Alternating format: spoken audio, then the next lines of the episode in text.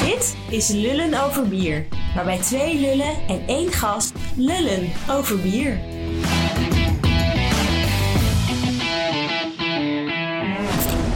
Ja, welkom bij weer een nieuwe aflevering van Lullen over bier. Waarbij we een serie maken over kwaliteit. Ik merk dat kwaliteit steeds vaker als toverwoord gebruikt wordt, onder meer door grote brouwerijen, biersommeliers en verschillende horecagelegenheden, om een waardeorde te geven aan bier. Maar wat is nu eigenlijk kwaliteit? We zoeken het uit in vier afleveringen door te lullen met eh, Willem van Waasbergen, de grootste brouwer van Nederland, Ronald van Doorn, een dokter in een laboratorium die dagelijks vele bieren test, een kleine brouwer, vandaag Roel van Frontaal, en uiteindelijk gaan we ook met de horeca in gesprek en dat is dan weer de volgende aflevering. Allereerst, Roel, vertel eens, kwaliteit. Ja, kwaliteit. Ik ben wel benieuwd eigenlijk wat de insteek gaat zijn. We zijn er begonnen. Ja, top. Dat is, dat is niet erg, want dan kan, is dan als- alsnog mijn vraag, wat gaat de insteek zijn? Nou, Kwaliteit kan je denk ik nou, op heel veel manieren benaderen. Dus ik ben Dat wel benieuwd. juist vanuit jou weten, hoe jij het benadert. Ja, wat natuurlijk interessant bij jou is dat jij eh, enigszins laatst eh, overgestapt bent van, of de transitie gemaakt hebt van huurbrouwer naar eigen brouwerij. Ja. We zitten hier trouwens, moeten we ook weer erbij zetten, in eh, de barrelroom van eh, Frontaal in de Faam in Breda. Ja. Kom allemaal hierheen. Hè? Ja, Nou, gelijk de reclame ook weer gemaakt. oké.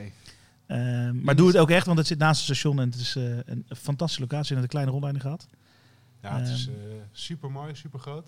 Maar juist die transitie is interessant, omdat je, wat ik weet van mijn, mijn eigen ervaring, is dat je altijd iets aan te maken hebt, zeker op kwaliteitsgebied, als je bij andere mensen brouwt. Ja. Maar als je het zelf gaat doen, dan moet je het nog maar wel even doen. En eh, een brouwerij hebben is nou eenmaal niet zo makkelijk als de meeste mensen denken. Mhm. Inclusief Jeroen Krik hier tegenover ons. Ehm, dus laten we eens beginnen met kwaliteit toen je huurbrouwde. Ja. En wat zou je willen weten hoe wij dat benaderden? Hoe je het Of- benaderde, welke fuck-ups heb je gehad, wel, Ja. wat voor ellende, Ja, ja, ja, ehm, alles wat er bestaat. Ja, ik zou even een korte introductie doen, want wij hebben natuurlijk wel een redelijk. We zijn natuurlijk begonnen eigenlijk als niet als huurbrouwer. We zijn begonnen als een eigen brouwerij. We hadden in 2015 een crowdfunding campagne gedaan, geld opgehaald, eh, twee, eh twee VC-containers gekocht, 200 liter installatie gekocht, uh, brouwinstallatie en dan vier tanks van 750 liter spijdels, gekoeld. Hele dingen erop. En dan een, eh, wel een soort van vulkoe, zes, zes kops. En dan nou, Veel koe, ja, dat klinkt misschien raar voor de luisteraars, maar Ja, dat is sorry, een soort, ziet eruit als een uier en daar kan je een fles aan hangen. Ja, en, eh, exact. Ja, ja, exact. Nou, eh, dat eh, was super basic, maar het werkte, weet je wel. Gewoon suiker in de tank eh, gooien en eh, gaan ermee. En ehm, toen waren we in 2016, hadden we weet je zo van de transitie van wat gaan we doen? Gaan we opnieuw herinvesteren in, in de brouwerij en een hele grote brouwinstallatie kopen? Nou, dat hebben we eigenlijk soort van gedaan, maar net niet, zou ik maar zeggen. nou, Laat, daar komen we straks op. Kom, kom ik daar ook op terug. Eh, of we gaan huurbrouwen, we gaan contract brouwen. Nou, en toen kwam toevallig net Inbier om de hoek kijken. Inbier was net aan het opstarten. In bier voor in, eh in Lim- Sintar- In Sittard. Sittard, in Limburg. Grote huurbrouwbrouwerij. Exact. Nou, die hadden echt een best wel grote capaciteit. Waren op, naarstig op zoek naar, eh, naar brouwers die bij hun wilden aansluiten. Nou, wij zeiden, nou, wij zijn, wij zijn voornemend om heel veel volume te gaan draaien. Dus willen we graag mee akkoord.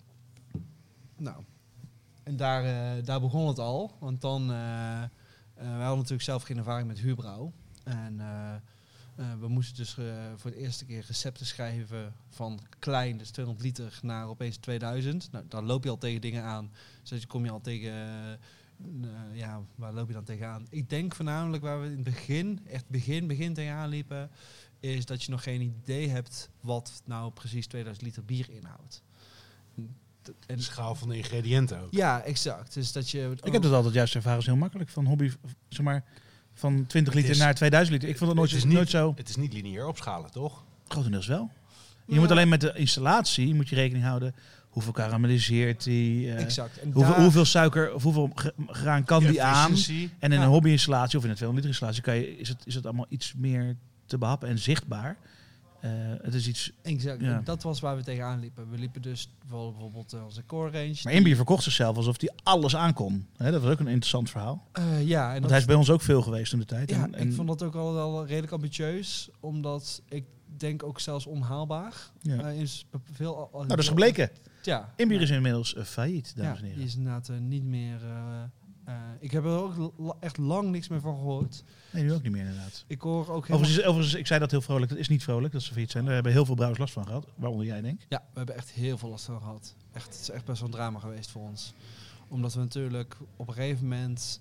Ik denk dat wij wel een goede... Op, het, op onze piek, toen wij daar draaiden, bezetten wij wel een goede 30 tot 40 procent van hun brouwerij aan Ja. volume. Dus dan kan je nagaan. En dat was ons volledige volume. Wa- Dat wa- zij waren onze enige Ja, precies. Alle één plek staan inderdaad. Ja. Dus ehm, dat, eh, zij kondigde vorig jaar nog in november, 29 november aan van we zijn failliet. We cancelen onze volledige eh, productie in december. Nou, we hadden toevallig 24.000 liter gepland staan in december, die dus volledig wegviel. Ja. Nou, en Maar gaan we terug, terug naar het begin. Jij Ja. had een soort brewpub in zeecontainers. Ja. Met ook horeca erbij. Ja. En er komt een moment dat je denkt, nou, we willen groter of het kan groter of weet ik veel wat. Inbier komt op de hoek en je denkt, eh, dat gaan we doen. Ja. Ehm, dan krijg je dus te maken met eh, andere ketels, opschalen van, van ingrediënten en recepten. Ja. Ehm, maar ehm, eh, wat vond je van de bieren die ergens anders gebrouwen werden met toch jouw naam erop? Nou, daar, daar heb ik dus best wel veel quality control op uitgeoefend door mede eh, twee, drie keer per week echt wel op en neer te rijden naar Inbier. En daar gewoon letterlijk in het begin heel erg naast, eerst bij het brouwproces naast de keten gestaan. Nou, daar, uiteindelijk kwam ik wel achter dat de, een van de brouwers, eh, ik ga geen namen noemen, maar gewoon echt heel kundig was. En de ander had, had gewoon minder ervaring, maar die, die zag je ook wel dat hij echt wel daar begon te komen. Ehm, en toen begon ik meer te monitoren op de randvoorwaarden van bier. Dus wat is de DO pick-up? Eh, zijn de... eh, Dissolved oxygen. Dus ja, sorry. De, de, Ik help de luisteraar mee af ja, toe, Ja, ja, sorry. Ik, ik zit al heel snel in Dat technisch... is heel eh, goed, dat mag ook. Want er er luisteren heel veel luisteren, eh, brouwers. Oh, nou top. Dus we zaten heel erg op eh, CO2-volume in het bier, dus hoeveel koolzuur in het bier zit. Ehm, maar ook, en waar, ik denk waar het bij inbier heel erg schortte was, hoeveel volume komt er daadwerkelijk de tank uit? En dat was altijd een... Wij konden namelijk heel moeilijk... Wij verkochten daar, daarvoor, en mm, af en toe nog steeds, heel veel batches gewoon van tevoren uit. Dus wij Mhm. hadden gewoon klanten die zeiden ook, oké, eh, er gaat 150 dozen naar eh, in Nederland en er gaan er x aantal dozen naar het buitenland. Zoveel fust hebben we nodig. Nou, en dan komt er gewoon 20, 30% uit. Nou, een keertje kan dat gebeuren, maar dat was bij hun gewoon vaak st- een structureel probleem om gewoon volume te draaien. Ja, dus jij verkocht te veel bier. We, kocht, ja, we, nou, we verkochten niet te veel bier, want je verkocht eigenlijk alles. We, we maakten beloftes die we gewoon niet konden waarmaken. En dat was vaak een heel erg struikelblok bij, bij Inbier, omdat ze gewoon niet konden vertellen. Ze waren niet consistent op het volume wat ze beloofden en wat ze daadwerkelijk leverden. Ja. Absoluut. Wat wel interessant is, als je kijkt naar de eerste aflevering over kwaliteit, zegt eh, Willem van Maasbergen letterlijk eh, dat je als brouwer gewoon moet beloven wat je gaat doen. En als je dat doet, dan is het kwaliteit. Punt. Ja, absoluut. En dit is natuurlijk al een van de punten. Als jij eh, je klanten eh, eh, enthousiast maakt voor, ik neem aan bijvoorbeeld een juice punch. Ja. En uiteindelijk moet je ze hun orders door de helft doen of sommige mensen niet leveren. Dat wordt natuurlijk gezien als geprutst in de marge. nou, gepruts in de marge. Dat komt gewoon, je bent gewoon een grote brouwerij. Je bent gewoon, een voor je, bent gewoon, je bent gewoon amateur. Want Ja. je, je hebt gewoon niet je proces onder controle. En dus daar liepen we heel vaak tegenaan. Ehm waar we ook tegenaan liepen bij Inbier. Maar het, bi- het bier. Ga eens naar het bier toe. Ja, daar wilde ik dus inderdaad op, op inhaken. En we merkten in het begin dat we eh, vanuit onszelf, eh, en dat zou je waarschijnlijk ook zelf wel hebben gehad, dat je als je een helft van brouwstatie neerzet en je gooit er een eh 10 kilo hop in, dat je zelf nog moeilijk kan inschatten wat het met bitterheid deed. Dus wat ik bijvoorbeeld als eerste bij Inbier heb gedaan, is met Michel, de, de Michiel, de eigenaar, door hun, toen hadden ze al bier in de tank staan. Ik zei, oké, ik wil van jou een 5% blond proeven. Eh, ik hoef me niet. Ik, hoef, ik, Ik wil weten wat het recept in Ibus zei. ik, wil, Ja. ik hoef niet eens het recept te weten. Ik wil alleen maar de alcohol weten. Ik weet, hoef niet te weten wie het is of welk bier het is, maar me geen donder uit. Ik wil gewoon wat de IBU is en ik wil het, het hopschema zien. Dat is het enige wat ik hoef te zien. Ja. En eh, de, de versheid van de, van de hop. Dat, maakt, me- dat, dat interesseert me als enige. Zodat ik een feel krijg van hoe je een installatie met bitterheid en met fruitigheid omgaat, weet je wel. Ja, dus je bent eigenlijk zelf aan de voorkant bij je brouwerij waar je ging huren. Heel erg als een brouwer, eh, terecht ook trouwens, eh, als een brouwer erin gaan staan. En eigenlijk alles zoveel mogelijk proberen te controleren vanaf de zijlijn. Dus gewoon heel erg sturen Is dat gelukt? Zijn er dingen fout gegaan? Er gaan altijd dingen fout. Nee, maar zijn er grove fouten geweest waarvan je zegt... denk, Shit, doorgisten, shit, diastaticus, eh oeps, ehm, eh, te veel zuurstof en de bieren worden bruin. Of zeg maar, wat is er fout gegaan? Ik denk de meest grove fout die ik me zo snel kan bedenken is de JuicePrince V5 geweest. Eh, daar hadden we een zuurstof pick-up gehad. Ik denk dat we vanaf V5 volgens mij ook de beslissing hadden genomen om als, als we JuicePrince brouwden bij inbier, dat die helemaal fust ging. Want we konden gewoon niet meer ervan uit dat hun eh, afvullijn op, eh, op fles doen. En waarom ging dat eerst goed en daarna niet meer dan? Dat weten we niet. Dat is raar, hè? Dat konden we dus ook nooit, dat hebben we ook nooit kunnen, kunnen achterhalen. Ze hebben ergens, hebben ze ergens een keer onderhoud gepleegd aan de machine. En, en dan, het kan, het kan iets heel simpels zijn. Het kan een, een pomp zijn, een, pakking wat vergeten die is. omge- omgedraaid zit. Het kan eh, de, de buffertank of de. Ja, zit, zat Maar zij gingen dat niet zelf uitzoeken. Het interesseerde hun niet zoveel als jou. Jawel, want ze hadden, een aantal, ze, ze hadden echt een goed lab staan. En dat frustreerde me dus ook. Ze wisten dus, ze wisten echt wel waar ze mee bezig waren. Alleen, ik denk dat het bij hun zo chaotisch druk was. Ze werkten met 40, eh 40 klanten. Ik denk dat ze zo chaotisch druk waren dat ze eigenlijk gewoon niet meer de tijd hadden. En dat ze eigenlijk zichzelf aan het voorbijhollen waren. Ze waren alleen maar brandjes aan het blussen. En ze waren daardoor, verloren ze focus op wat belangrijk is. Ja. Want ehm, als jij, want ik zei ook tegen hun van als je nou gewoon 3.000, 4.000 euro investeert in een mobiele flowmeter en je zet dat in voor drie bieren in een maand tijd, na een maand weet jij wel waar jouw volume kwijtraakt, weet Ja. je wel. Nou, als jij een keer als je een, een bier aflaat, dan hang je daar een slang aan, zet je er een flowmeter op en dan gooi je dat riool in als je aan het aflaten bent. Nou, op een gegeven moment weet je van, hé, hey, ben ik daadwerkelijk 20 liter aan het dumpen of ben ik 100 liter per keer aan het Ja. dumpen? Want Dat gaat best hard. Als je je Oh, gist aflaat, ja. gaat het heel hard. nou ja, wij, dat hebben wij nu ook in de brouwerij. Wij, zijn, wij hebben bepaalde hoppige IPA's die eh, worden afgelaten. En dan heb je, je zet, zet te kijken, je, je pra- probeert een schatting te maken. Je hebt eigenlijk geen idee of je nou 50 liter aan het dumpen bent of 100 liter aan het dumpen bent. Vaak is het meestal tweede. Ja. Of meer. Nou, ja, exact. Nou, daar komen we dus nu ook achter. Dus daar zitten we nu zelf ook al tegenaan te hikken. Van, hé, hey, hoe gaan we daarmee om? En daar, daar proberen we zelf ook al een stuk sneller op te schakelen. Door zelf ook een flowmeter te zetten bij dumpen bijvoorbeeld. In ieder geval, dat is, dat is nog, nu nog niet. Maar dat is wel een wens die we hebben om de komende maand of twee maanden te realiseren. Dus door te brouwen bij een externe brouwer. In het begin kon je niet eh, eh, waarmaken wat je beloofde aan klanten. Eh, je moest er heel erg bovenop zitten op alle kleine nitwittige dingen Ja. waarvan je zelf ze misschien de meest logische zaak ter wereld vindt. Nou is het natuurlijk ook zo, ook goed voor de luisteraar om te weten, dat een juice punch een heel erg ehm, ja, gevoelig bier is. En Ja. een heel erg instabiel bier is van zichzelf. Exact. Dus de, een Hazy IPA En- Nijpa, die, die is heel gevoelig voor Ja. zuurstof. Punt. En wij stelden daar ook een extreem hoge eisen aan. Ja. En daarna ben je, na dat inbier, je hebt de oplossingen gevonden. Je bent her en der gaan brouwen. Ja, we hebben het uiteindelijk hebben wij eh, op, wederop op ons hoogtepunt brouwden we bij vier brouwerijen tegelijkertijd. Wat echt fucking gek huis was. Dat was ben, echt, wij ooit bij negen. ja, dat was echt, Ook verschrikkelijk. nou ja, echt niet aan te raden. nee, zeker niet als je communicatie goed wil hebben. Ja, exact. Nou, daar liepen we dus tegenaan. Dus, ik weet niet, mag, mag ik namen noemen? Van mij wel, maar dat, is- dat is uiteindelijk aan jou. Ik, ja, eh, ik ben... Ik, maar zo, we kunnen ook zonder namen te noemen zeggen dat je heldere nijpa's had, eh, bruine nijpa's. En eh, ja, dus we dat, het alle, dat het alle kanten op We, ging. hebben drie, we hadden drie brouwerijen in Nederland waar we mee werkten. en één brouwerij in België waar we brouwden. En over alle brouwerijen was wel iets op aan, aan, op aan, aan te merken.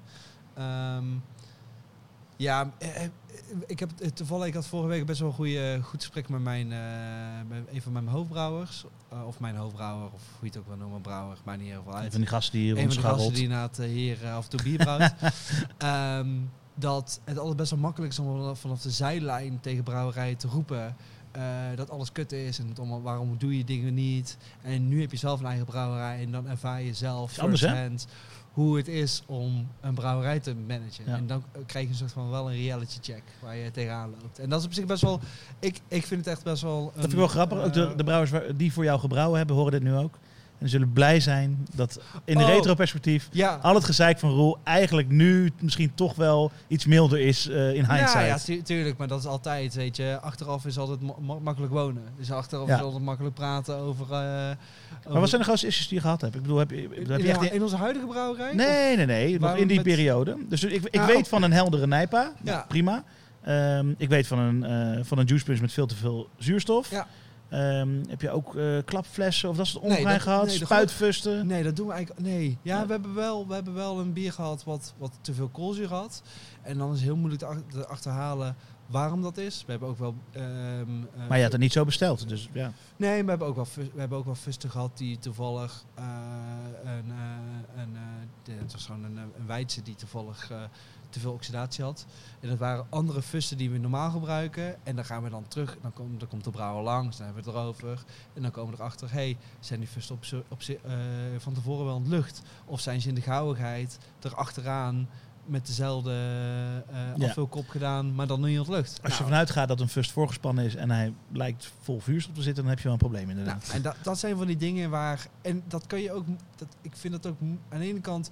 Eh, de brouwers lossen het tot nu toe al, hebben het altijd nu heel netjes opgelost. Eh, we zijn er ook heel eerlijk in. Eh, en ook heel transparant. En zij ook. Nou, heb je wel eens een bier van de markt gehaald ook? In die periode of later? Ehm, volgens mij. Of heb je alleen we- consumenten zeg maar, vergoed op het moment dat ze klaagden? Nee, we hebben wel, we hebben wel bieren. ik, zit, ik zit even heel goed na te. We hebben wel een bier van Inbier teruggeroepen op een gegeven moment. Dat weet ik wel. Ik probeer maar. Dat is lang geleden. Ik probeer me te denken welk bier dat was. Is dat niet Juice Punch versie 5? Ik denk dat wij V5 hebben iets. En dat is teruggeroepen echt uit de horeca gehaald, uit Ja. alles gehaald. ja, Iedereen we- terugbetalen, Ja. alle en en. Ja, dat gaat wel. Nou, wat we toen hebben, we- ja, dat is. Ja, je orders laten staan voor V6. Ja, Dat is makkelijk hè? Ja, maar nou, Dat is ook logisch. nou, Zeker het- voor een klein en het beginnend bedrijf. Je, eh. je, je geeft heel veel. Je legt eerst café het, het probleem uit. Ik bedoel, ik, Ja. eh, eh, je legt eerst uit van joh, we zijn een huurbrouwerij. We hebben eh, toen de tijd toen het werd afgevuld, hadden we al zo van onze twijfels, maar we dachten nou, het, het kan. Weet je wel? Nou, niet van het kan, maar van het is niet zeker. En dan drie weken later kom je erachter, oh fuck, het zit er toch in, weet je wel. ja.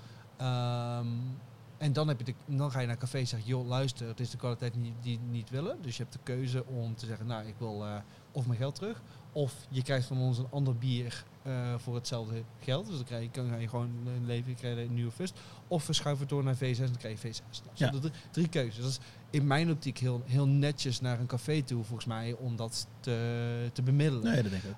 En um, full, full disclosure, ik, ben, ik doe voornamelijk heel veel brouwen. Dus ik, ik doe financiën binnen Frontaal. Het hele verkoop doe ik eigenlijk niet binnen Frontaal. Dat doet voornamelijk Jaap. En hoe Jaap dat allemaal toen heeft opgelost, I don't know, weet je wel. Ik weet dat hij daar gewoon heel- best wel gewoon schappelijk mee is omgegaan. Daar hebben we wel gesprekken over gehad. Maar jij hebt met een, bij een aantal partijen heb jij huurgebrouwen. Ja. Merkte jij dat in de communicatie door een verschil van eh, inzicht qua een verschil van definitie van kwaliteit, je daar moeilijkheden in had om met brouwerij te communiceren als er dingen niet helemaal gingen zoals ze moeten? Eh, ja, ja, tuurlijk, uiteraard. Weet je, als je zegt ik wil, eh, ehm, ja, ik ben even bedenken of ik gelijk een anekdote naar voren kan halen. Wat, ja, uiteindelijk kom je daar wel op neer. Eh, komt dat altijd wel naar voren. Want eh, we, hebben gemerkt in het begin, schreven wij recepten en toen was er altijd wel een duidelijke. Als je bijvoorbeeld iets mist, dan gaan ze het zelf invullen. Nou, er is een brouwerij, er was een huurbrouwerij die alleen maar huur brouwt. En als zodra zij dingen eh mist in het recept, gaven ze daar een eigen invulling aan. Daar hadden wij van geleerd. Nou ja, dat Er staat geen gist in. nou, Eh, nou, nou, we wat- kiezen er wel wat- wat- hebben we nog wat liggen? hebben we op voorraad Ja. en dat gaat erin. Nee, maar het, ga- het zijn van die kleine dingetjes. Als in bijvoorbeeld hele specifieke eh, dingen zoals... ik wil dat er na drie dagen wordt gedryhopt. Ja. Eh, nou, op een gegeven moment gingen wij dus echt heel erg specifiek zeggen... als er 50% attenuation is... als er wanneer het bier van 50% is eh, vergist... wat hij maximaal kan vergisten... dan wil op de hopper in. Dat betekent dat je elke dag moet, me- moet meten. Niet alle brouwerijen doen dat. Niet alle brouwerijen doen dat. Dan loop je tegen een praktisch ding aan. Nou, dan ga je dus met hun zeggen, nou ja, prima als je dat niet doet, maar ik wil specifiek voor dit bier dat jullie dat dus wel doen. Nou, er zijn maar van die hele veel van die kleine dingetjes waar je op gaat lopen sturen. Ehm ik heb gewoon nog iets anders te bedenken. Eh, koolzuur. eh, dat je zegt, bij, je maakt met een afspraak met een brouwer, je zegt ik wil standaard 4,6 gram de liter koolzuur erin. Eh, en dat moet gewoon elke keer, tenzij anders gespecificeerd. Want wat we merkten, op een gegeven moment waren we gestopt met te communiceren. En ze naaiden er maar gewoon een bepaald... Dat wat ze voor hun eigen bieren ook doen, gebeurt dan met jouw bier. Nou, nee, nou, dat niet zozeer. Maar ze hadden bijvoorbeeld... Wij wilden dan bijvoorbeeld zeggen... Nou, we willen eh, fusten en flessen willen we anders. Omdat fusten wat minder hebben, zodat ze wat makkelijker tappen. Flessen maakt niet zo heel denderend veel uit. Nou, wat deden ze? Om het hunzelf makkelijk te maken. Alles op 4,6. fust. Ja. Ja, dat is wel een- erin duwen. Dat is wel een hele interessante, denk ik. Want ik denk dat een van de dingen die leidt tot kwaliteit een bepaalde werkwijze is. Die je consistent blijft volgen, monitort en dergelijke. En als je als brouwer bij een huurbrouwer brouwt, dan zit je altijd met conflicterende... Jij hebt je eigen werkwijze zoals je dat zou doen. En zij hebben een eigen werkwijze waarop ze dat misschien voor een grootste klant doen of Ja. zelf doen. Maar dan is het nu wel interessant om de stap te maken naar je eigen brouwerij. Ja. Want ik gok dat je hier ook niet alles nu hetzelfde doet voor ieder bier. En nog steeds ook weer heel veel nieuw leert Ja. met je nieuwe ketels. Ja, absoluut. Want ik neem niet aan dat er nu een groot eh, dit is hoe frontaal brouwt handboek ligt. Waarin staat eh, dit bier dan draai op en dit bier dan. Dat moet toch ook hier de hele tijd gecommuniceerd worden. ja, tuurlijk. En zal ook nog veranderen per batch. ja. Omdat je misschien denkt, ah, we proberen het volgende keer toch een keer zo. we hebben wel... Want het resultaat zou ook nog net iets meer Nou, die kant op willen en- schuiven. Daar, wil daar, wil ik, daar, daar ben ik. daar- daar- we hadden bijvoorbeeld in het begin, en dat is, daar lopen we nu. Nou, gelukkig, gelukkig hebben we dat nu een beetje getackeld. We hadden met onze eerste vier bieren die we brouwden, merkten we gewoon dat de hoputilisatie een stuk beter was op onze ketels dan wat we gewend waren bij andere brouwerijen.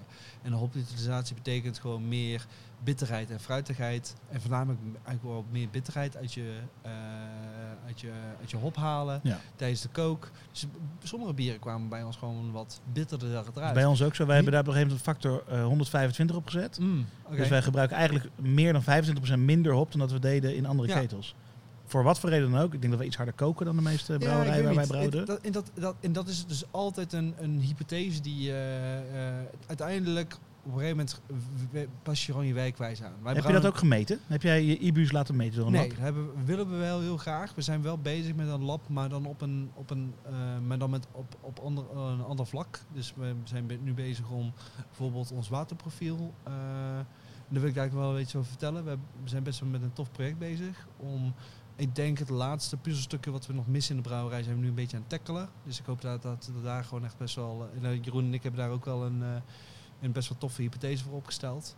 Eh, en ik denk dat het nog niet eerder in Nederland is, of in Europa, want ik heb het rondgevraagd, het is nog niet eerder gedaan. Dus dat is wel wat tof. Maar het is, best wel technisch, dus ik weet niet of dat... Nou kunnen we zo wat doen. Ja, Ehm, want volgens mij zijn we toch aangekomen hier nu bij de brouwerij. Toen Ja. ik vroeg, heb je dan nu al je protocollen en al je, ja, al- alle dingen waar je vroeger over co- communiceerde, staat dat dan nu vast? Eh, ik denk dat het niet vast staat. nee. De vraag is dan wel, wat zijn nu jouw meest belangrijke eh, indicatoren en kwaliteits eh, ehm, ja, dingen die, me- die wel of niet gemeten worden, maar Ja. dingen waarvan jij zegt, nee, dit bier dat kan de deur wel of niet uit als dit, Ja. dit of dat. Nou, dat, dat, dat- en dat, daar hebben we het, meeste binnen de brouwerij hebben we het daar nu momenteel over. Ik merk dat we het, het warme gedeelte... Je hebt het natuurlijk je een brouwproces in twee delen opsplit. Je kan de warme kant en je hebt de koude kant. Nou, de warme kant is tot nu toe echt heel strak. En het brouwproces aan het zich. brouwproces zelf ben Ja. ik best wel tevreden over. Er komen gewoon kwalitatief komt er gewoon goede wort uit. Die gewoon het volume wordt gedraaid. Eh, hier en daar zijn er nog wat, wat hiccups, weet je wel, dat je je efficiency niet aantikt. Nou, dan zijn we af en toe wel, maar dat is nog overkombaar. Waar we nu voornamelijk tegenaan lopen is aan de koude kant, is het bier gewoon op een goede manier de tank uitkrijgen. En dan heb ik het voornamelijk echt over zuurstof pick-up. Ja. Daar zijn we heel keen op. Daar zijn we, daar zitten we heel strak op te sturen. Ehm, en een ander ding is CO2-volume. En daar, wij, we zaten net in de bar. We hadden net dat ik zei van, nou, ik wil eigenlijk wel een apparaat kopen dat we daar een stuk strakker op kunnen sturen. Mhm. Dus ik hoop dat, en we zijn daar bijvoorbeeld nu, een, en dat, had, dat misten we dus nu, eh, een checklist. Bijvoorbeeld, je, gaat, je zegt, joh, een bier is klaar om afgevuld te worden. Nou, wij, ik zei net, we hebben Simcoe in de tank staan. Simcoe is een eh, New England Double IPA eh, met alleen maar Simcoe. Dat is tegen van onze hond, van de hond, van de frontaalhond, Simcoe, eh, gebrouwen. Eh, elk jaar doen we daar een eh, bier mee. eh, of een compleet nieuw. Vorig jaar was het een brut IPA met alleen maar Simcoe. Dit jaar een England Double IPA. Volgend jaar heb ik ook al een idee wat, wat ik graag wil proberen. Ehm, nou, die is klaar. Het is bijna jammer dat je hem eens keer, één, per jaar, één keer per jaar. Eigenlijk Dus, wel, ja. want ik hou van de op Simco, maar dat terzijde. Eh maar nu kwamen we erachter van, oké, klopt het, ten eerste klopt het, de temperatuur. Het moet koud genoeg zijn. Het moet 1 graden zijn. Als het 4 graden in de tank zit, is het koud, maar niet koud genoeg, weet je wel. Dus als jij, eh, je pakt nog 3 graden op richting je afvullijn. Als je bier op 7 graden gaat lopen afvullen, gaat alles lopen schuimen. Ja. Daar kwamen dus nu deze week te, toevallig te- twee keer tegenaan, liepen we daar tegenaan. Van hé, hey, bier is gewoon te warm om af te kunnen vullen. Nou, dan kan je een dag niet afvallen. Het is gewoon vervelend. Je krijgt het bier nooit meer zo snel, zo koud. Dan moet je gewoon een dag wachten. Nou, die afvullijn moet je weer eh, schoonmaken. Ben je weer drie uur mee bezig. Nou, dat is gewoon een dag verspild. Maar dat is praktisch. En als je nou kijkt naar wat, zeg maar, van alle dingen die je kan meten, van CO2 tot zuurstof, tot, Ja.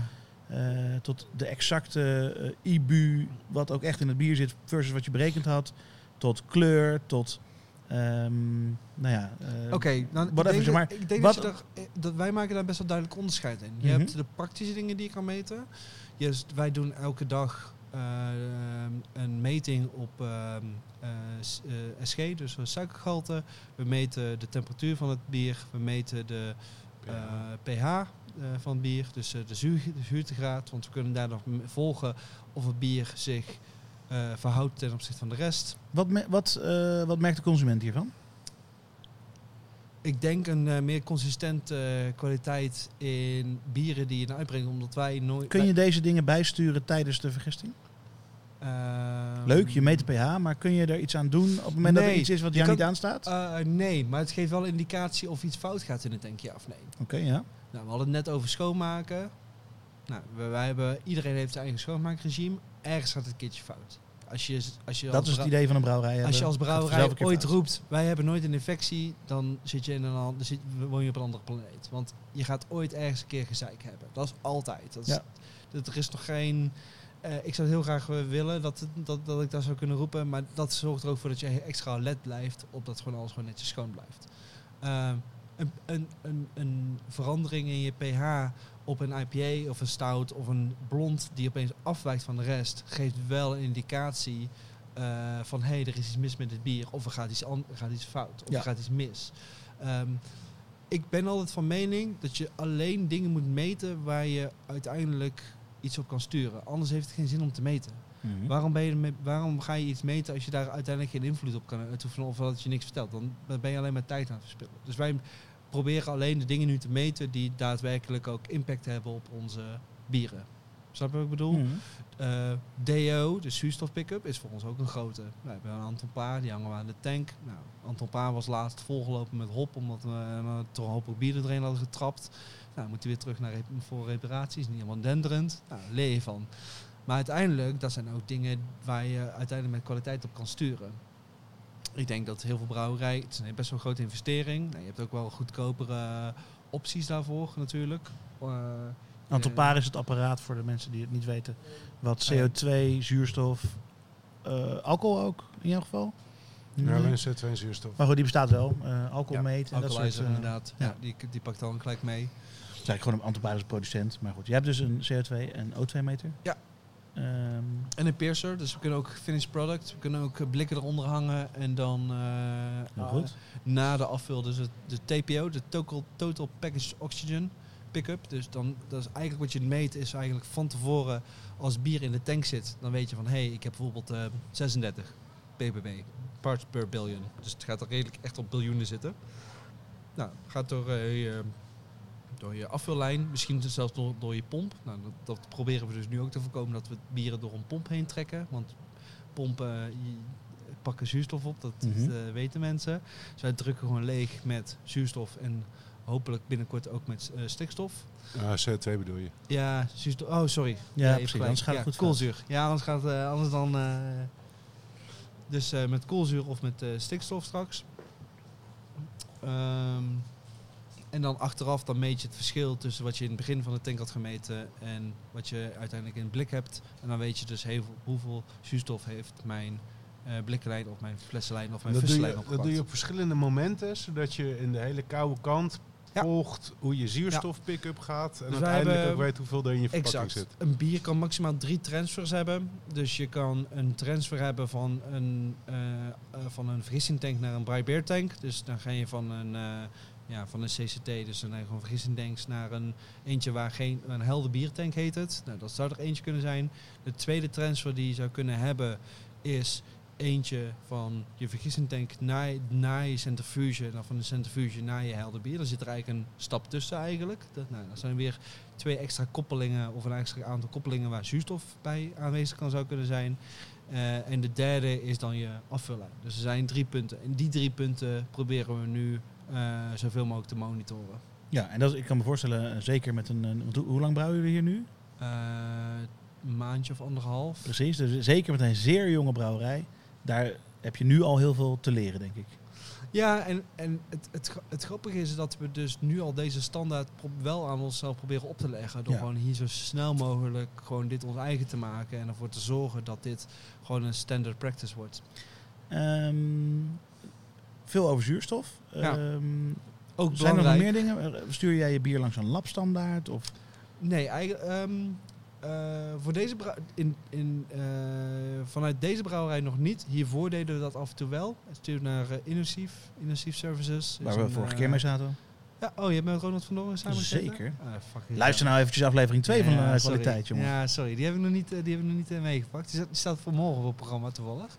Heel goed, hele interessante aflevering. Lijkt me ook. Ronald is echt een uh, topgozer. Nou, eh, ehm, Maar de- deze brouwerij heb je, zeg maar, jouw, jouw protocol is niet, ik ga standaard alles sample wegsturen. nee, nog niet. Ehm, Met de gedachte, ik doe dat pas als er problemen komen. Of, nee, nog niet. Eigenlijk is het gewoon nog het tijdsgebrek. Ik, zou het wel graag willen. Ik denk dat het wel heel, heel eh, belangrijk is om te doen. En ik wil het graag ook wel standard practice maken. Wij kwamen er dus achter bij hem dat hij maar ongeveer 10 klanten heeft in Nederland die elke batch bier richting hem sturen. Ja. En omdat wij een van die klanten zijn, schrok ik me daar helemaal de pleuris van. Ja. Want ik kan me niet voorstellen dat wij. eh, kijk, ik moet zeggen, wij hebben bijna geen eh, problemen. En daar wordt gemeten voor de luisteraar op eh, bierbedervende bacteriën. Ja.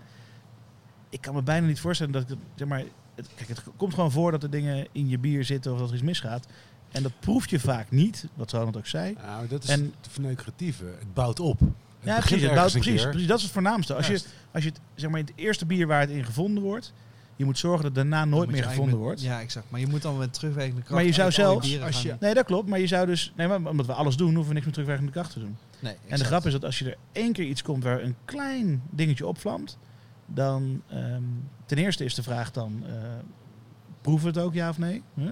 Zit het ook, is het ook smaakafwijking of niet? Ehm, meestal niet overigens. Moet zeggen, het gebeurt niet heel vaak, maar die ene keer per jaar dat het alarmpje afgaat, ehm, proeven we het dan niet in elk geval. Dus dan is het fijn dat het alarmpje op tijd afgaat. Maar de- daarna is het dus van zeker, zeker belang om extra goed te kijken. Bouwt er niet op, krijg je geen Ja. biofilm, krijg je geen andere mag, ellendige ik, dingen. mag, ik daar een, mag ik daar een vraag over stellen? Zeker. Want jullie via Innossief maken gebruik van de PCR-methode? De, wat, ik weet niet hun methodes. PCR. Ze doen twee dingen. Doen ze. ze doen eh, testen op. ehm, eh, Heel plat gezegd, zit er überhaupt iets in? Ze zitten er bacteriën in? Precies. Zitten er bierbedervende bacteriën in? En de volgende stap is: wat is het DNA van die bacterie? Exact. Dus wij doen standaard alleen maar bierbedervende bacterie. Ja. Als die aanslaat, wordt de test doorgezet naar de DNA van die bacterie. Ja. Dan kom je ergens achter. Maar eh, standaard ga ik niet alle DNA wat in het bier zit, zitten Dat analyseren. mijn, nee. dat ben ik, daar ben ik wel benieuwd naar. Want soms krijg je wel eens een false positive. Dus dan zegt er bijvoorbeeld... Hey, dus Nee, dat is wat wij, doen, wat wij doen. Op het moment dat wij een positief hebben, pakken wij meer samples van die batch en gaan, gaan er bijvoorbeeld zes flessen die kant op. Ja, exact. Dus wij doen altijd één of twee flessen per batch gaan erheen. ja. Ehm, of per, niet per batch, maar per afvuldag. Mag ik vragen, Dus soms hebben dat we- ja? voordat je gaat afvullen of nadat je hebt afgevuld? Na afvullen. Het product gaat erheen, Echt de flessen gaan finished- erheen. finished En wat product. is de reden dat je het na afvulling doet en niet voor afvulling? Want als je het voor afvul weet of jij tank al geïnfecteerd Kan je besluiten is, om niet af te vullen. kan je besluiten om je een dag te besparen en je flessenlijn eh, ook eh, niet te infecteren. Nou ja, Maar de keerzijde is... Want jouw flessenlijn, als één tank geïnfecteerd is, kijk, en dan kan je ook achterhalen of het jouw tank is geweest die is nou, ik, denk, ik denk dat daar de gedachte bij is. Ik denk dat daar de gedachte bij is dat dat kunnen we trouwens alsnog achterhalen. Want we nemen wel samples uit de tanks. Oké, je doet swaps Maar of zo. Of, ehm, nee, gewoon een, we vullen een fles af. Dan kan je met een brander, kan je dan, eh Ja, met een brander maak je je shit schoon. En exact. dan doe je één fles gewoon afvullen. En Ja. zet je in de koelcel. En op het moment, die vernietigen wij wel heel snel. Die vernietigen op het moment dat, het, dat die test negatief eh, eh, Mhm. uit de test komt. Dan wordt die ook gelijk weggeflikkerd. Ja. Eh, dan ga je niet tot, tot in een einde een tanksample zitten bewaren. Dat zou heel veel ruimte in beslag nemen. Maar ehm, de, eh, de standaardprocedure is de fles. Ja, Ehm, dat is een snelle test. Dus in drie dagen heb je antwoord. exact. Ehm, en tot die tijd is het bier onhold. Dus wordt het ook nog niet verkocht. Mhm. En pas daarna, als er een oké is, wordt het verkocht. En als het, niet, als het niet oké is, dan blijft het gewoon staan bij ons. Ja. En de grap is, waarom doe ik geen tanktest? Ja, we hebben nog nooit een hele batch hoeven wegflikkeren op basis van deze test. Mm. Is nog nooit zo'n grove infectie gehad dat het echt fout ging. zeg Maar je maar. hebt wel infecties gehad. We hebben wel infecties gehad Maar heb onze je die ook verkocht, die bieren? Zeker, en dat weten ook heel veel horeca mensen. Op een gegeven moment hadden wij eh, een behoorlijke bredinfectie in onze fusten. Ja. In, het, in onze allereerste zomer. Eh, voor de domste fout die je kan bedenken. ehm, de, Koppelingen pakken uit je festivalkit. Nee, absoluut niet. Nee, de, zo slim waren we dan weer wel. Maar nee, de, ehm, dat gebeurt met normale tapslangen. Het fusten vullen. En eh, die waren gewoon even grappig door de hete loog gegaan. Waardoor ze gewoon poreus zijn geworden. Ah. En eh, Ah. die werden dus af en toe met hete loog alleen maar gespoeld. Op 85 graden worden ze poreus. En eh, het is prima om die dingen alleen maar in perazijnzuur eh, te spoelen. En dan gebeurt er eigenlijk niks. En wat hadden wij dus? Sommige batches die dus op fles en op fust gingen, waren de fusten geïnfecteerd met een hele dikke vieze bret. En ehm, de, de flessen waren perfect. Nou, dat is natuurlijk wel grappig. Dus in zoverre grappig. Daar leer je heel snel van, Ja. laat ik het zo zeggen. Je weet ook heel snel waar het in zit. Ja, ja, ja. ja. Ehm, overigens is het niet grappig voor een beginnende brouwerij om zulke problemen te hebben. ja. Diastaticus hebben we ook gehad. Diastaticus, ons allereerste bier wat wij brouwden, eh, was met Bel Saison. Oh. Net voordat Diastaticus echt een ding werd. En wat kregen wij ook in onze eerste batches, eh hophard, et cetera. Dat ze dus na afvullen gingen doorgisten zonder bijsmaken. En wij wisten helemaal niet van de term Diastaticus. Dat Nee. was nog geen ding. Ehm, dat was geen algemeen bekend ding. Nee, en exact. Toen kwam het verhaal met Left Hand Brewing. En eh, onze collega's van Oersoep die hadden wat problemen mee. Omdat die schoon en, eh, en wild door elkaar Mhm. probeerden te brouwen. En eigenlijk via het Brewdog lab, lab toen de tijd is het balletje gaan rollen van oh shit, dat is diastaticus en daar kunnen we wat aan doen. Ehm, nu ook een reden dat wij gewoon geen seizoens meer brouwen in de brouwerij. En ik hoorde via een betrouwbare bron dat jij die eh, stelling hebt overgenomen. Ja, wij zijn daar best wel. Ja, wij hebben dus wij hebben Freehand. Dat was eerst hier voor ons een, Frans, een Franse saison met oranje bloesemhoning en zwarte peper. Ehm, en die hebben wij inderdaad moeten omkatten naar een eh, blond. En ehm, om eh, de hoofd. Moeten omkatten of willen omkatten omdat je gewoon niet hier Beide. shit bi- binnen wil hebben? Eigenlijk beide. We, we Ja. ha- we hadden al het vo- voornaam, voornemen om daar iets anders mee te willen gaan doen. Ehm, en we waren ook van, oké, kunnen we een bier een seizoen noemen als het niet met een seizoengist is gebrouwen? Kan je daarmee wegkomen? Nou, er zijn wel mogelijkheden om bepaalde Belgische gisten te pakken die geen sta-engine en die op hoge temperatuur, maar geeft die daadwerkelijk ook... Zijn wij er zelf intern voldoende tevreden mee om het een seizoen te noemen? Of ga je een bier brouwen wat, waar je seizoennaam op plakt, maar wat daadwerkelijk geen seizoen is? Dus die discussie hebben we gehad en uiteindelijk hebben we besluit genomen om daar een blond van te maken. En het grappige is dat we dus wel, de, we hebben de oranje bloesemhoning eruit gehaald, maar we hebben de, de zwarte peper erin laten zitten. Dus je krijgt een soort van een, bl- een Belgische blond met zwarte peper. En dat is op zich wel best wel, eh, we waren best wel blij mee. Het was best wel kicken. Je krijgt een beetje die vibe van de seizoen nog steeds, want daar hadden, gooiden we ook best wel veel zwarte peper in. Eh, maar dan Belgisch blond. En gewoon makkelijk drinkbaar, eh 6% uit mijn hoofd. Ehm, en uiteindelijk hebben we er wel een, ehm een ziem in gegooid in de mesh om er verder uit te drogen. Nice. Ja. Zelfs bij een brut IPA. Ja. Tof. De, ehm, ik zie dat twee glazen in elk geval leeg zijn. Ik denk dat die derde niet lang meer duurt, nu ik het gezegd heb. Want ik heb gehoord, voordat we spraken, eh, dat jij ook nog wat uit de tank wil laten Ja. proeven. Dus het wordt gewoon een schaamteloze promo voor een aankomend bier van Compaan. eh Compaan, godverdomme. Zo. Van Frontaal. Oh, past er al waar. Nee. Eh, Er wordt gaan- gewoon schaamteloze promo voor een aankomend bier van Frontaal. Ja. En eh, ik zou zeggen, laten we onze glazen gaan vullen, of niet? eh?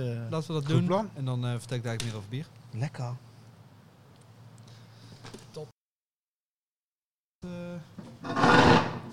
Zo, terug uit, terug uit de brouwerij. ja. Hoop gezien, maar vooral een vol glas weer. twee, twee verschillende bieren voor onze neus. Ja. Ik iets anders dan jij, maar... eh, Ik heb die Simco voor eh, Ja. nu in mijn neus. Dus wat jullie hebben voor je is eh, Simco, wat ik net al vertelde. Ik heb een hond, die heet Simco, Labrador. En daar, Zo Jammer dat het zo moeilijk verkrijgbaar is, hè Simco, als je dit proeft. ja, Dus er mogen wel meer bieren met Simco gebrouwen worden, vind ik. ben ik, vind Ik heb namelijk ik heb geen kattenpisassociaties, zoals sommige mensen dat hebben. Nee, maar als jij hier kattenpissen proeft, dan... eh, als iemand hier ooit kattenpissen proeft, dan mag hij me opbellen. Want dan... eh, Nou, je, geef je nummer dan maar. ja, 06? Nee. Wel de brouwerij, maar ja, wel, wel, wel bij de brouwerij. Dan eh, uiteindelijk kom je wel bij mij terecht. Nee, dit is een single hop Simco Double IPA. 21 gram liter. eh, Hoe zwaar is dit? Dubbel IPA? 8,5 procent. Oké, dat haal je er nog van niet uit. eh, zo. Nee, maar dat- als je die Home Nee, Alone... maar omdat hij nog niet helemaal uitvergist is. Hij Nou, zit zo die drie punten nu niet. voor de, voor de mensen die het een beetje, een beetje ervaren zijn. Hij staat al of- koud, toch? Ja, hij staat op 1 graden. 1 graad. Wanneer ga je hem dat uitvergisten dan? Eh, niet meer, want Nee, hij, heeft een, hij heeft een tijdje op eh 20 gestaan. en Hij, hij ging gewoon niet meer verder. Nou, dus Dus- hij is wel gewoon uitvergist. Ja, zo gaat hij, hij zo gaat uit- hij blikken. Eh, ja, Oké. zo gaat hij wel blik in. Ja. Dus ehm, Je had gehoopt dat hij wat droger zou worden. ja, Ja, oké, dat kan. En dit zijn dan dingen die je tegenaan loopt. Je kan, daar- ga je op lopen sturen, weet je wel. Dus eh, uiteindelijk eh, ga je hem proberen nog even naar 22, 23 graden te krijgen. Om even nog toch, toch een kick te geven. Geef hem nog een, eh, burst CO2 mee. Om te kijken of je hem toch nog de gist even terug in suspensie kan krijgen. En dat hij denkt van, hé, hey, ik pak nog even twee, drie puntjes. Maar mocht niks baten. Dus, eh, maar goed, klaar is klaar, toch? Dat mag. Dat is prima. en ik ben er gewoon heel tevreden over. Het is gewoon nog wel gewoon een goed bier. Het is, er is niks mis mee. Hij is misschien een tikkeltje eh, aan de zoete kant voor een double IPA, maar het is niet eh dat je denkt van joh, laat maar staan, weet je wel, aan de bar. En wat had je nou nog meer getapt? Een heel zwart bier? Ja, wat ik nu uh, glas heb was onze eerste stout die we hebben gebrouwen. En dat is misschien wel grappig, want we waren met Orpheus uit, ehm, uit Amerika en Cinco Elementos uit Brazilië aan brouwen. En we hebben een, ehm, een Imperial Stout gedaan. En we hebben hier een eh Party op toegepast. Oké. Leg het even uit voor de luisteraar. Ja, voor wat een Party is, is dat je eigenlijk dus, je maist in, met, eh wij altijd in met 1000 kilo. Gewoon standaard, 1000 kilo mout. Eh, nou, vervolgens ga je daarmee spoelen en dan heb je dus bijvoorbeeld eh 2000 liter in je kookketel. Maar er zit nog best wel veel suiker in je mout achteraf. Dus wat je doet, is je blijft doorspoelen en je gaat dat water, of als het suikerwater wordt, ga je dus opnieuw opvangen in je eh maisketel. En dan ga je dus opnieuw, ga je nog, nog een keertje op inmaizen. Dit is overigens ook hoe Heineken brouwt. Oh, echt waar? Ja, het overige spoelwater is het maiswater voor de volgende batch. Ha. Dat heb Ja. ik wel eens geleerd. En eh, ik, weet- ik heb zelfs een keer iemand gesproken die ehm, afgestudeerd was op een kostenbesparing bij Heineken. En dat was het buffervat die het spoelwater opving. Ja. eh, moest iets groter worden. Waardoor zij letterlijk echt tonnen per jaar konden verdienen. Omdat Ah. er zeg maar, een heel klein beetje suiker in dat spoelwater zat. En daarmee te beginnen in plaats van... eh, nou kijk, bij Heineken is de schaal natuurlijk heel groot. En dat vat liep dus altijd over vroeger. Ja. En toen hebben ze dat vat, eh, weet ik veel, 5000 liter groter gemaakt. Ja. Of 100.000 liter, ik weet niet hoe. Ja, ja. De schaalgrootte kan ik me niks meer voorstellen. Vergroot, vergroot, ja. Precies, vergroot of een tankje erbij En gezet. daardoor hadden ze gewoon een hogere platengehalte. Daardoor kan je starten met een, met een platengehalte, dus minder mout gebruiken. En dat, eh, dat, voor mij ging het over 2 ton per jaar binnen Heineken. Binnen één brouwerij van Heineken. Nou, dat 2 ton is natuurlijk voor Heineken heel weinig, maar het is voor iedereen ook weer heel veel. Ja. Persoonlijk gezien. Ja, exact. Dit is een eh, zeer dikke, rijke Imperial Stout. Tonka-bonen proef ik, ruik ik Ja. overduidelijk. Ja, en het, grappige is dat er heel weinig tonkabonen in zit op, een, op de batch. Dus er is maar 200, 300 gram in. Eh, maar er is, we, we, hadden op een gegeven moment, we, we zijn altijd redelijk voorzichtig met tonkabonen, omdat ze gewoon enorm potent zijn. Ja. Wij gebruiken 0,28 gram de liter tonkabonen, zoiets. Wanneer eh, verwachten we dit op blik? Volgende week, mo- ma overmorgen gaat hij op blik. Oké, dus, eh, zodra dit online staat, eh, iedereen rennen naar de winkels. En Ja. hoe, heet, hoe heet het bier dan? Het heet Dipterix.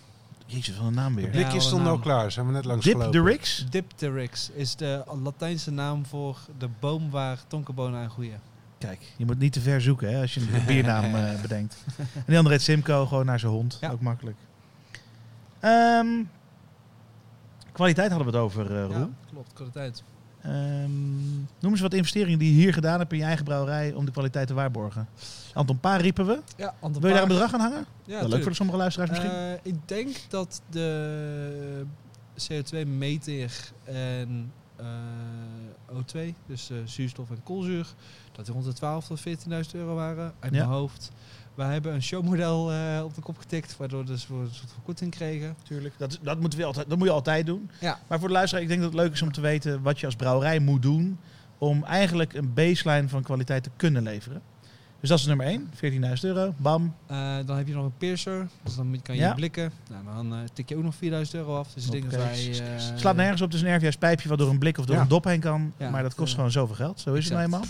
Dus dan eh, tik je op het einde 16 tot 18.000 euro af daarvoor. Nou, ene kant kost, klinkt als veel geld, aan de andere kant het levert ook wel weer kwaliteit op. Je Ja. kan weer een ding meten in je brouwerij waar je op kan sturen. Eh ander ding, ik denk het grootste ding waar we geïnvesteerd hebben is centrifuge. Nou, hier hebben we ook laatst een centrifuge gekocht. Volgens mij hebben een We hebben een maatje groter. die hebben een ga- maatje groter dan wij. Wij hebben een eh, GEA hebben wij staan, GEA 50. Dus de 50 staat voor het aantal hecto's dat hij in een uur draait. En voor het aantal 10.000 euro's wat die kost, toch? nou, ik denk, ik denk oprecht. Denk, wil, je, wil je zeggen wat je betaald hebt voor jouw GEA 100? Oh, ik, weet, ik weet dat niet zeker, maar volgens mij 80.000 euro. Ik, ja, ik denk dat jij tussen de 80 en 90 uit bent gekomen. Het ligt Ja, er een 80. beetje aan of jij een show, weer een showroom model Nee, we hebben geen, eh, show, we hebben geen showmodel, maar ja. 80.000 euro volgens ja, mij. oké. Wij hebben uiteindelijk 68,5 betaald. Ja, dus 70.000 euro, bam, voor centrifuge. Ja. Wat doet een centrifuge met de Is een, kwaliteit van eh, bier, Roel? Het is een veredelde wasmachine. Heel goed. Dus je wast het bier ermee schoon. Heerlijk. En dat is, waarom is dat kwaliteit? Want zonder centrifuge kan je misschien ook wel kwaliteit bier Ja. maken. Nee, wat eigenlijk is, wat de centrifuge voor ons doet, is omdat wij zoveel hoppige bieren doen. Eh, wij zitten natuurlijk met heel veel dry-hop in onze bieren. Ehm, eh, voor ons is het tweeledig. Aan de ene kant halen we beter volume uit onze tanks, omdat we gewoon meer De bier... hop droog slingeren. De, de hop, inderdaad, de, zwa- de zware delen eruit, letterlijk eruit slingeren, waardoor er gewoon meer volume overblijft. De tweede, het zorgt gewoon voor een betere stabiliteit van het bier als je gewoon heldere bieren maakt. Ja. je, wij eh centrifugeren nu onze blonde, een triple, eh whatever je wil, eh, barley wines. Zorgt er gewoon voor minder gistdepot in je blik en je fles. Dan krijg je gewoon een netter bier in je eindproduct. Nog meer zaken? Eh, we hebben geïnvesteerd in een stikstofgenerator.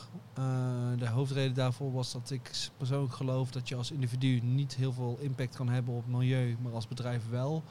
Daarom hebben wij een stikstofgenerator gekocht, omdat we graag onze CO2-verbruik omlaag willen brengen. Wat heeft dat met kwaliteit te maken? Niet zoveel, maar het is meer duurzaamheid. En uiteindelijk vind ik dat ook wel een beetje eh, toch wel aanhangen tegen, tegen kwaliteit. Ja, het heeft niet. Je kan bijvoorbeeld. ehm, eh, wij kunnen daardoor ook wel wat rigoureuzer met onze CO2 en met onze stikstof omgaan. Sommige brouwerijen, ik ga geen namen noemen, die eh, zijn wat eh, spaarzamer met hun CO2 omdat ze weten hoeveel ze per kilo betalen. Nou, als je stikstof al genereert, kan je gewoon wat genereuzer ermee omgaan. Waardoor je gewoon 100% zeker bent dat alle zuurstof verdwenen is. Ah, dus dat je, je je tanks altijd standaard even purged, volledig, in Nou ja, plaats om, van... een, om een voorbeeld te Nou, dan moeten we ik denk eerst uitleggen waar, zuur, waar, zeg maar, waar CO2 of N2 voor wordt gebruikt in de Ja. brouwerij. Ehm, Het verdrijven van vloeistof of ver- het vullen van eh precies, het voornamelijk het verdrijven van, eh, van, van, van lucht. Ja, En dat kan zowel in een lege tank als in een volle tank kan Ja. dat.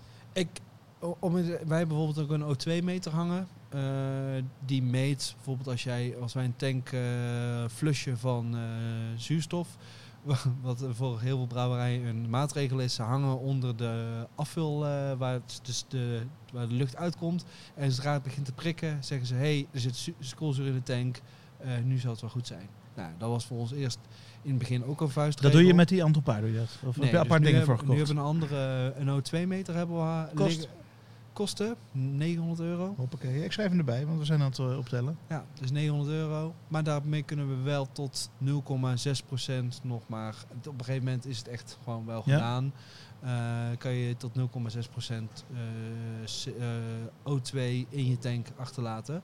En nu zitten we te kijken, wat gebeurt er nou als we zo'n tank dan voorspannen, aflaten en opnieuw flushen? Kunnen we dan echt richting de 0,2 of 0,1% Ja. zuurstof in je tank? Hoe, ver moet je, hoe vaak moet je flushen?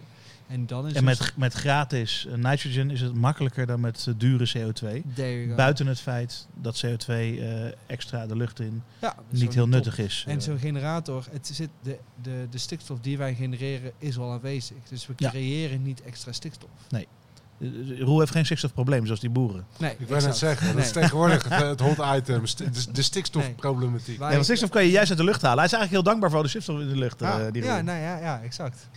Ehm, Andere dingen nog? nou, je, je- je- keuzes in kenningline, keuzes in, eh, Ja, in nou, brouwhuis, we dat soort dingen die we je kunnen- misschien... We kunnen het wel over Kenningline hebben. We, hebben eh, we krijgen best wel veel brouwerijen tegenwoordig over de vloer. Omdat wij een van de weinigen zijn die een eh cask hebben staan in plaats van een Wild Goose.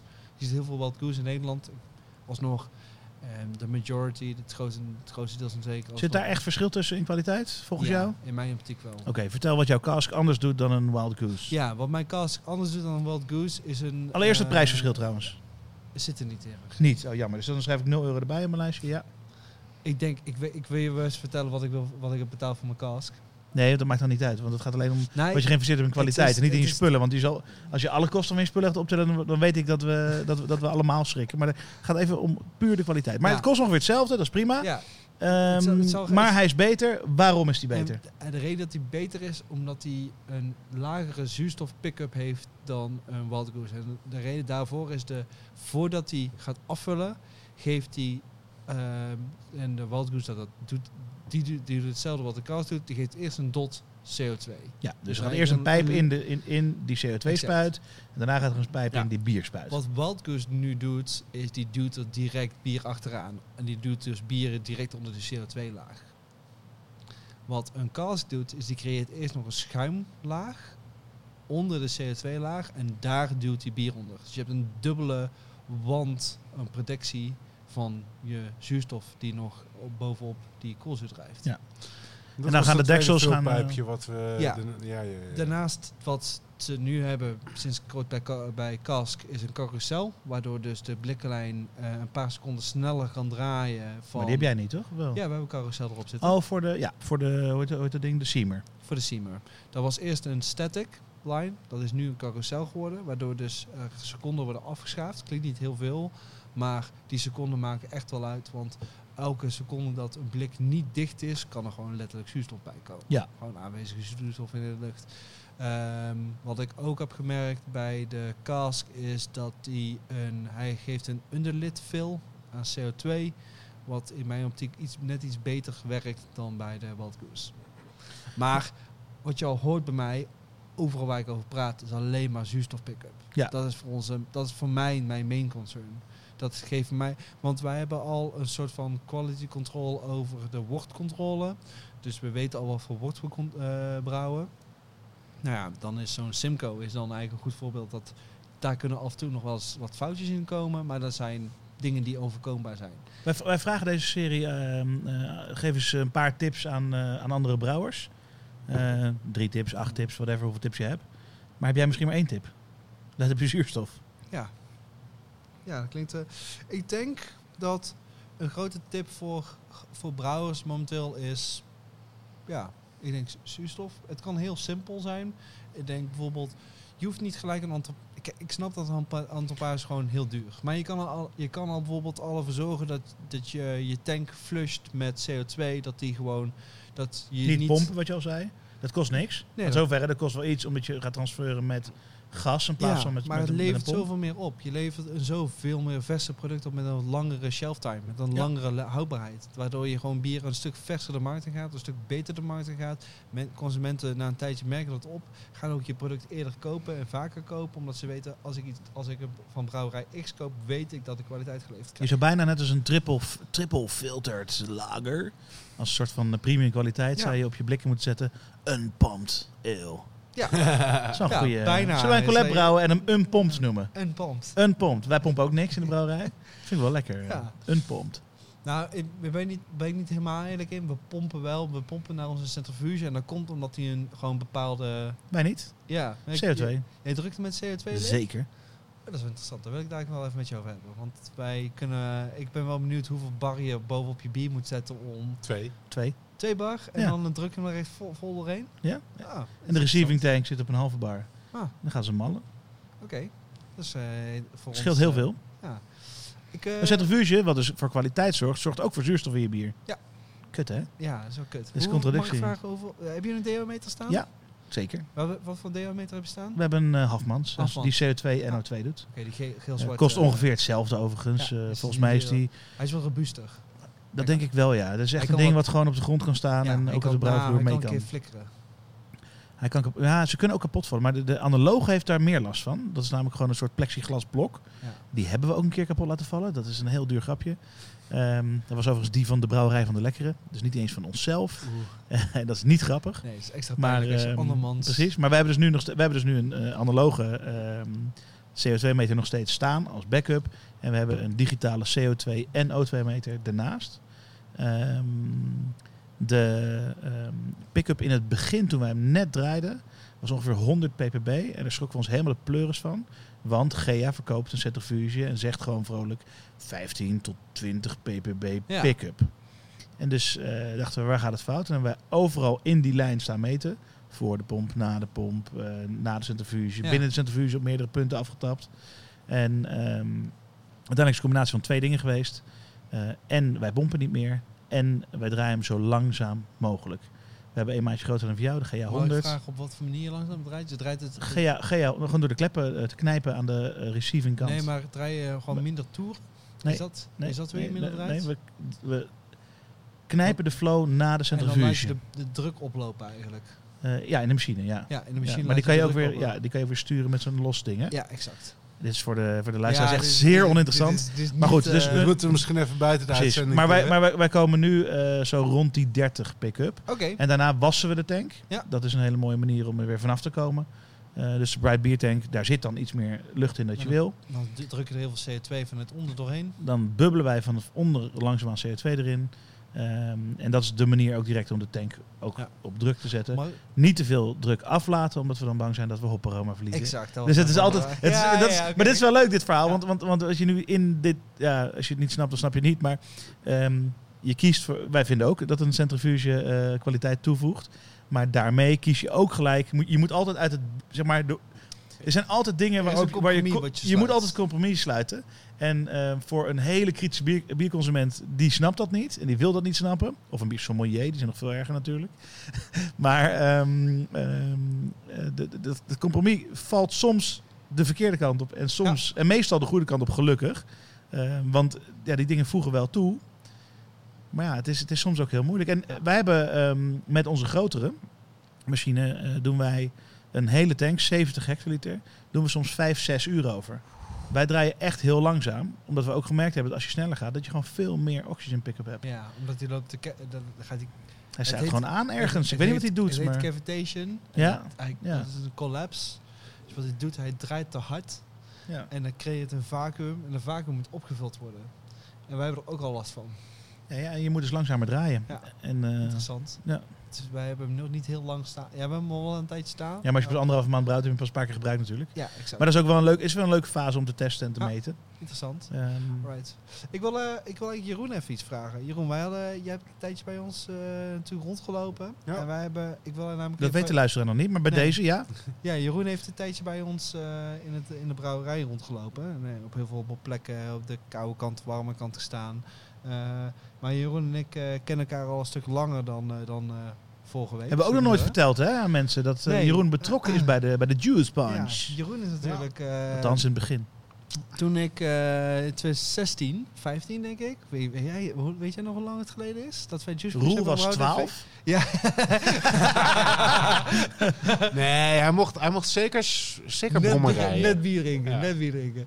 Nee, maar... We ehm, stonden op eh Mikkeler eh, in Kopenhagen. Ja. Eh, ja, ik denk vier jaar geleden of zo. Vier jaar geleden, ja. En toen kwamen natuurlijk heel veel New Englands tegen. En toen zeiden we van, hoe vet is het om gewoon een goede New England. En ik had eigenlijk zelf het idee al van, nou, ik wil graag een New England zelf brouwen.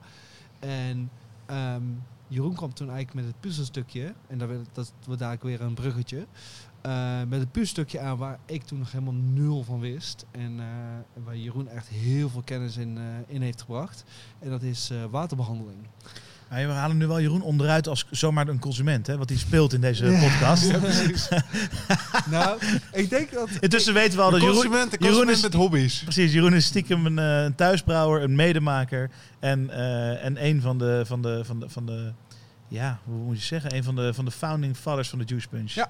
Dus Jeroen heeft tot eh, echt eh, V5 of zo eh, actief meegedacht met het eh, Tot, recept. tot en, eh, V3 mocht hij op de poster met een logootje.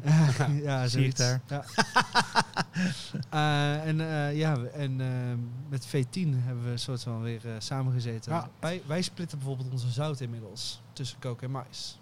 Omdat we merken dat er inderdaad wel een smaakverschil in optreedt. Dus daar maken wij even onderscheid in. Nou, en zo willen we dus eigenlijk...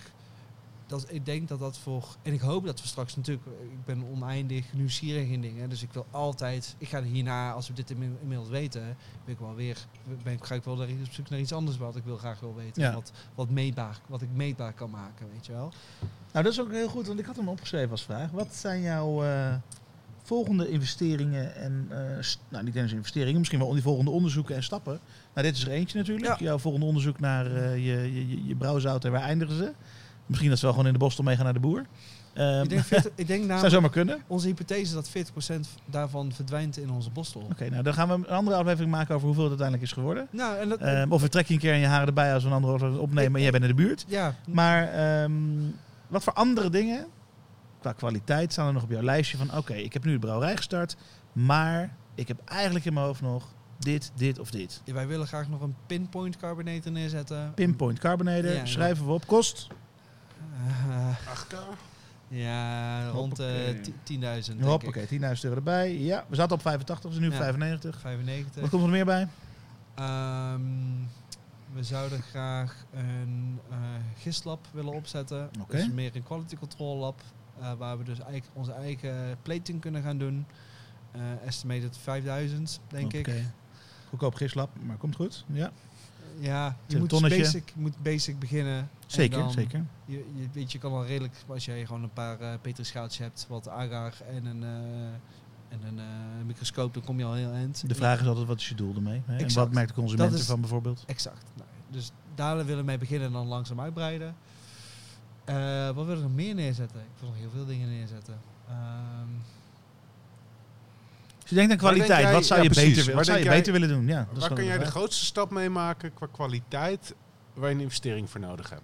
Nou, of geen investering, maar of een onderzoek of een... eh, ik zou wel meer... Of ben je er wel? Dat kan ook, hè? Dat je gewoon zegt, nou, Nee. volgens mij zit ik aan de voorkant van Ik de, denk- van, van de craft beer kwaliteit waar we kunnen zitten. En dat, dit is waar ik wil zijn. Nee, ik denk nee, want dan zou het betekenen dat, we, dat ik op mijn lauweren kan gaan rusten en dat is nooit het, dat is Nee, nooit want, het doel. nee, want er is altijd wat te doen in de brouwerij. Maar exact. de, ehm, Ik zou meer kijk, wil, wil je, wil je net als een Heineken een, een, een, een smaakpanel gaan instellen die, eh, die continu je bieren elke dag proeft? Nou, en nee, eh, zeg maar, we doen het wel elke week. Niet Ja. elke dag, Nee, maar elke week. Wat Nou, we, dat is niet waar. wat ik wel- Je laat elke dag je bieren proeven door degene die ze meet. ja, natuurlijk. ja, oké, maar dat is maar één persoon. Het is niet een Klopt. panel. Het is niet een... Het is een Ja, oké, maar ik denk ook niet dat je een smaakpanel moet willen hebben. Maar als voorbeeld, iets wat niet graag- per se iets kost. Of maar is er iets waarvan je denkt, Ik denk fuck, ik- dit zouden we beter moeten doen? Ehm, ik zou meer invloed willen uitoefenen op onze mout. Oké. Hoeveel- Hoe, hoe trek jij nu je, je, je product wat de deur uit gegaan is? Dus de, ehm, ehm, jij zei net al zelf, ik ga hier een koelcel in bouwen, Ja. dus eh, dan gaan we zelf koud storen. Eh, een koude chain bestaat nog niet in Nederland. Ehm, nou, wel inmiddels door één distributeur. Oké, nou je zou dus kunnen zeggen, ik ga alleen maar daarmee werken. Ja. Ehm, zoiets zou iets kunnen zijn. Je zou kunnen zeggen, ik, ik, ik, ik, zeg maar, waar denk je dat de meeste winst te halen valt voor frontaal? Ehm, ik denk nog wel dat het nog steeds een brouwproces, maar dat zijn heel veel kleine dingetjes waar je loopt te tweaken. Ja. En we Maar daar merkt de consument dus niks van. Ja, uiteindelijk wel. Op lange termijn gaan ze daar wel meer consistente kwaliteit uit halen. Weet je, ik, ik Wat is heb het THT op een hoppig bier? zes maanden bij ons. Wil je dat omhoog gooien nog? Eh, Zou je iets willen doen waardoor het misschien als 9 in- kan zijn? Langer? Of wil je dat helemaal niet? Of zeg je nee, Nee. dit is wat ik wil? Nee, ik denk dat zes maanden haalbaar is. En ik denk lager dat je jezelf in je voet gaat schieten. Dan gaan de distributeurs echt, echt balken tegen het feit dat ze zeggen... ja, drie maanden is echt te kort voor ons. Ja.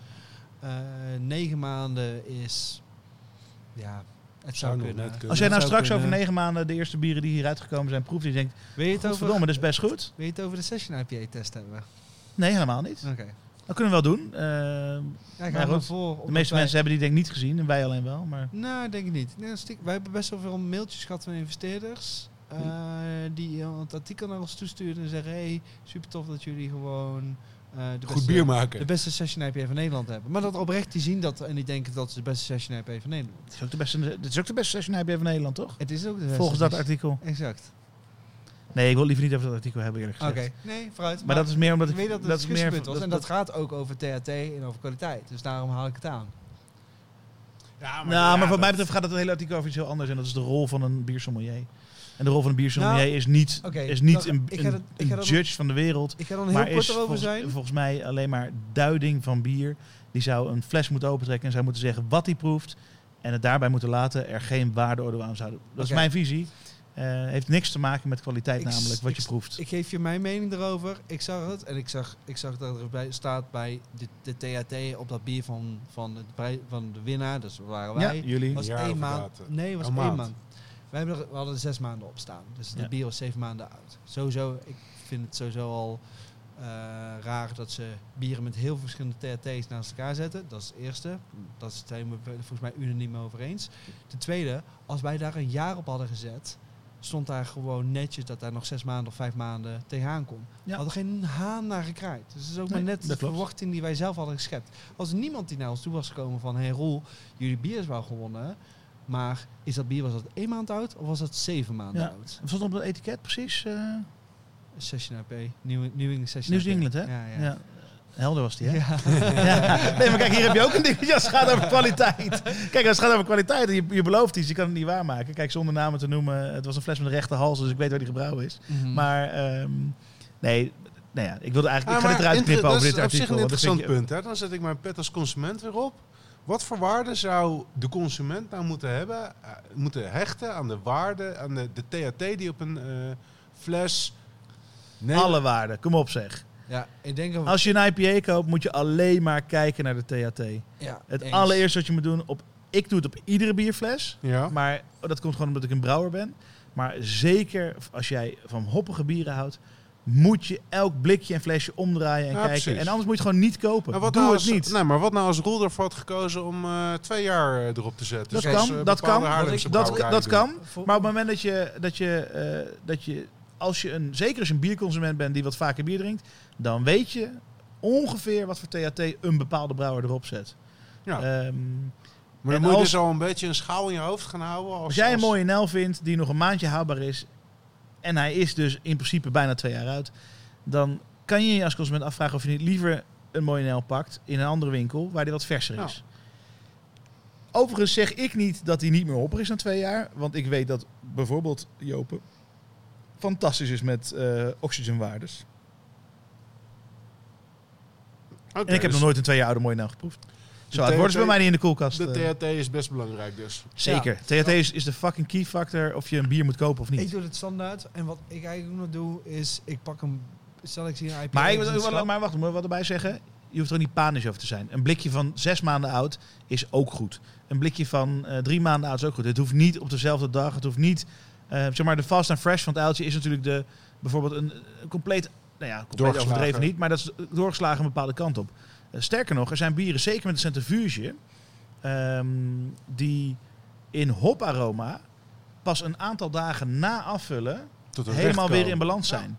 Omdat op een manier die hopolie worden ook het wordt zo door elkaar geschud. Ja. Dat heeft even Zeg maar eruit geslagen. ja. Maar ik merk dat met, met die Home Alone nu op, nu op tap staat. Ik vind die nu zoveel fijner drinken dan dat die één dag oud was. Want Ja. het was zo één compleet mes. Ja, en dat heeft te maken met de centrifuge en dat heeft te maken met, eh, met dat er iets met die hopolie gebeurt die daarna weer in balans komen.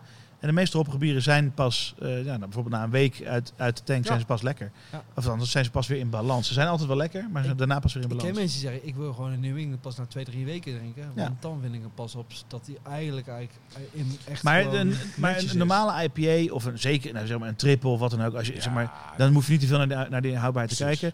Een normale IPA, ehm, ergens, er- ik zou zelf zeggen, die moet je binnen, ja, een half jaar is denk ik wel netjes. Als je binnen een half jaar kan, kan drinken. Ehm, de realiteit is, wij zitten er een jaar op, maar dat is ook voornamelijk voor distributieredenen. Ehm, dus als, je, als jij een hophard vindt en die heeft nog een half jaar te gaan, is hij een half jaar oud. Maar ehm, ja, de, diep in mijn brouwershart zeg ik, je moet hem de eerste drie tot vier Zes maanden drinken. maanden, Ja, Ja. exact. Ehm, en ehm, maar je kan, ja. ook, je kan ook de, de Cloudwater eh, tactiek toepassen. die zeggen, eh, Ja, dit is de... gekend op dat moment, eh, best before dat moment, maar best enjoyed Ja, voor dat moment. Dat kan wel, maar ik weet niet of de Nederlandse distributiemarkt daar klaar voor is. Ja. Want ik denk dat hier trouwens, en dat is trouwens eentje die we niet per se gaan spreken in deze serie, maar ik denk dat misschien dat de horeca daar iets over te vertellen heeft. Ik denk dat er bij de distributiekant in bierkwaliteit nog een heel groot gat te vangen Daar had ik dus Joh, nog een vraag. nog zo Daar had ik dus nog een vraag over. Namelijk, eh, ik wou Roel vragen. Dat mag je nu doen. Ja, nou, dan ga ik, dat er- bij deze ik, doen. Ik, ik zit er toevallig, dus Ja. dat is top.